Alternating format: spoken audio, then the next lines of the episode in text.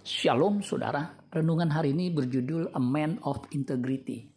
Matius 22 ayat 16. Mereka menyuruh murid-murid mereka bersama-sama orang-orang Herodian bertanya kepadanya, Guru, kami tahu engkau adalah seorang yang jujur dan dengan jujur mengajar jalan Allah dan engkau tidak takut kepada siapa pun juga sebab engkau tidak mencari muka.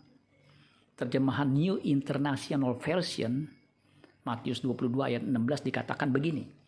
They sent their disciple to him along with the Herodians. Teacher, they said, we know that you are a man of integrity and that you teach the way of God in accordance with the truth. You aren't swayed by others because you pay no attention to who they are Tuhan Yesus adalah seorang rabi atau guru yang terkenal sebagai a man of integrity, seorang yang berintegritas. Hal itu dikemukakan oleh orang Farisi. Meskipun label itu benar, tapi diungkapkan dengan maksud buruk dan jahat.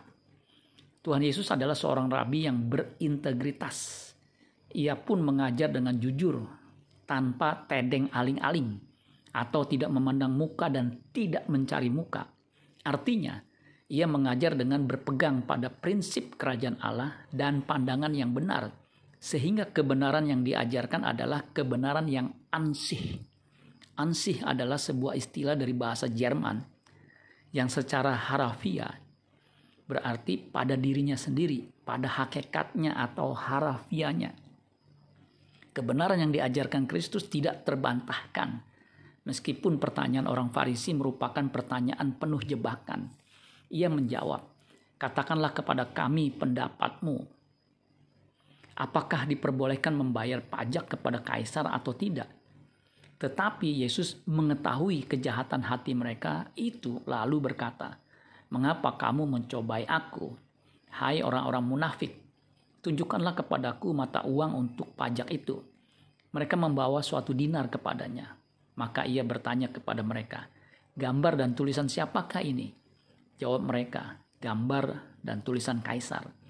Lalu kata Yesus kepada mereka, berikanlah kepada kaisar apa yang wajib kamu berikan kepada kaisar dan kepada Allah apa yang wajib kamu berikan kepada Allah.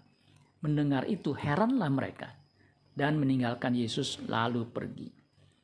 Murid Kristus harus belajar kebenaran Injil agar hidup berintegritas tinggi seperti Kristus yang disebut a man of integrity. Amin buat firman Tuhan. Tuhan Yesus memberkati. Sola Gracia.